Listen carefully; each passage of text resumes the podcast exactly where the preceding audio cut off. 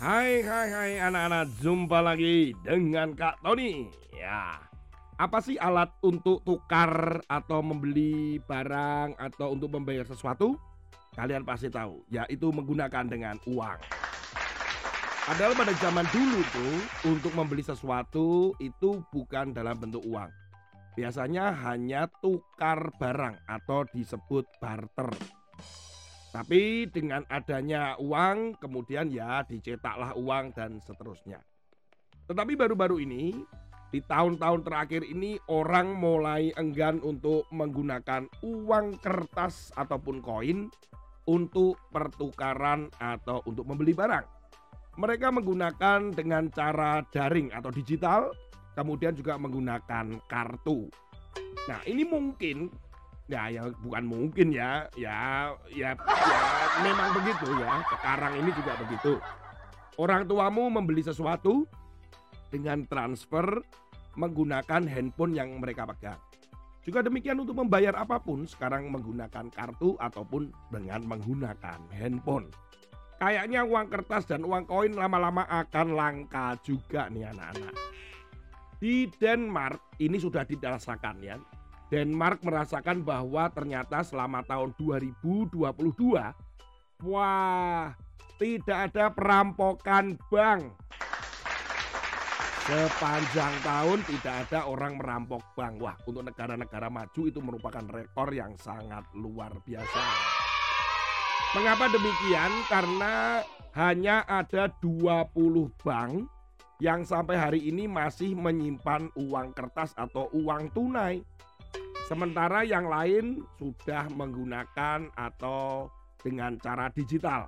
Bayangkan saja, di tahun 1991 ada 219 bank.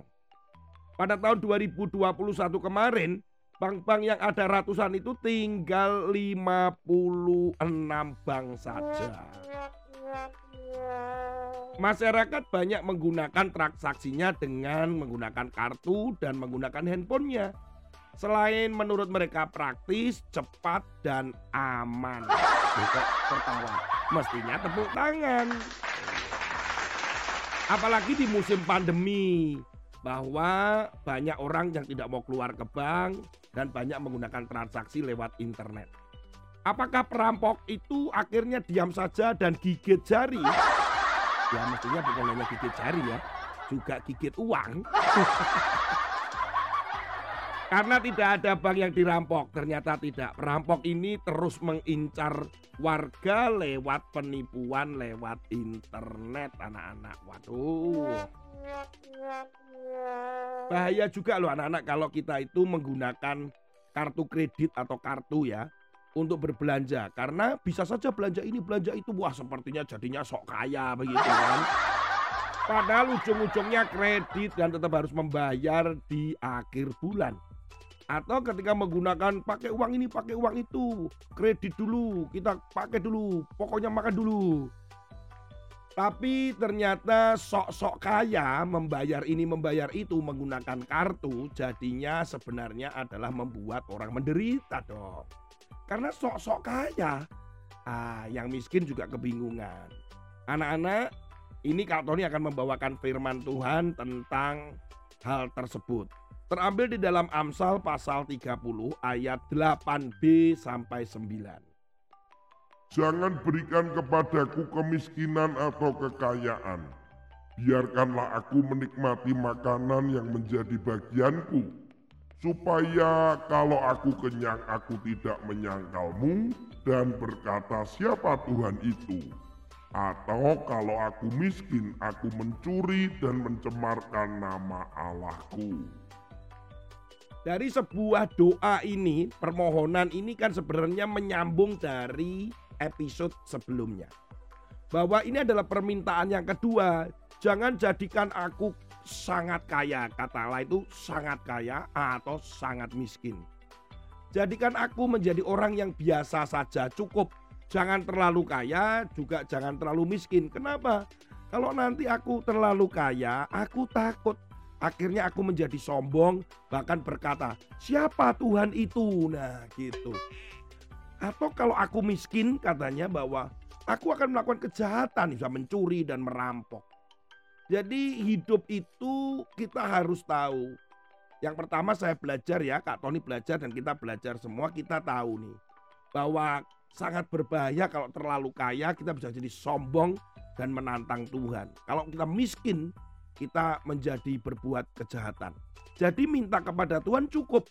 Ketika kita memerlukan sesuatu Tuhan mencukupkan. Ketika kalian waktunya bayar uang sekolah, orang tuamu diberkati Tuhan untuk mencukupi membayar uang sekolahmu. Ketika kamu membutuhkan baju atau celana atau pakaian, Tuhan memberkati orang tuamu dan bisa membeli baju atau celana itu. Jangan sampai akhirnya kalau orang tuh punya uang banyak, itu bahaya sekali anak-anak. Bisa beli ini, beli itu, beli ini, beli itu. Wah, akhirnya gini, saya nggak perlu Tuhan. Karena aku bisa melakukan ini. Contoh, aku nggak perlu berdoa lagi untuk beli mainan. Aku nggak perlu doa lagi untuk makan yang enak. Tapi bagi orang yang miskin atau yang nggak punya uang, aduh gimana supaya aku bisa makan? Aku akan merampok saja, begitu kan? Nah, oleh karena itu hiduplah dengan cukup. Tuhan cukupkan aku segala kebutuhanku, Tuhan Yesus. Ketika aku membutuhkan ini dan membutuhkan itu dan itu menjadi kehidupanku dan aku menjadi lebih baik, aku bisa belajar, aku bisa sehat, Tuhan akan mencukupkan kalian.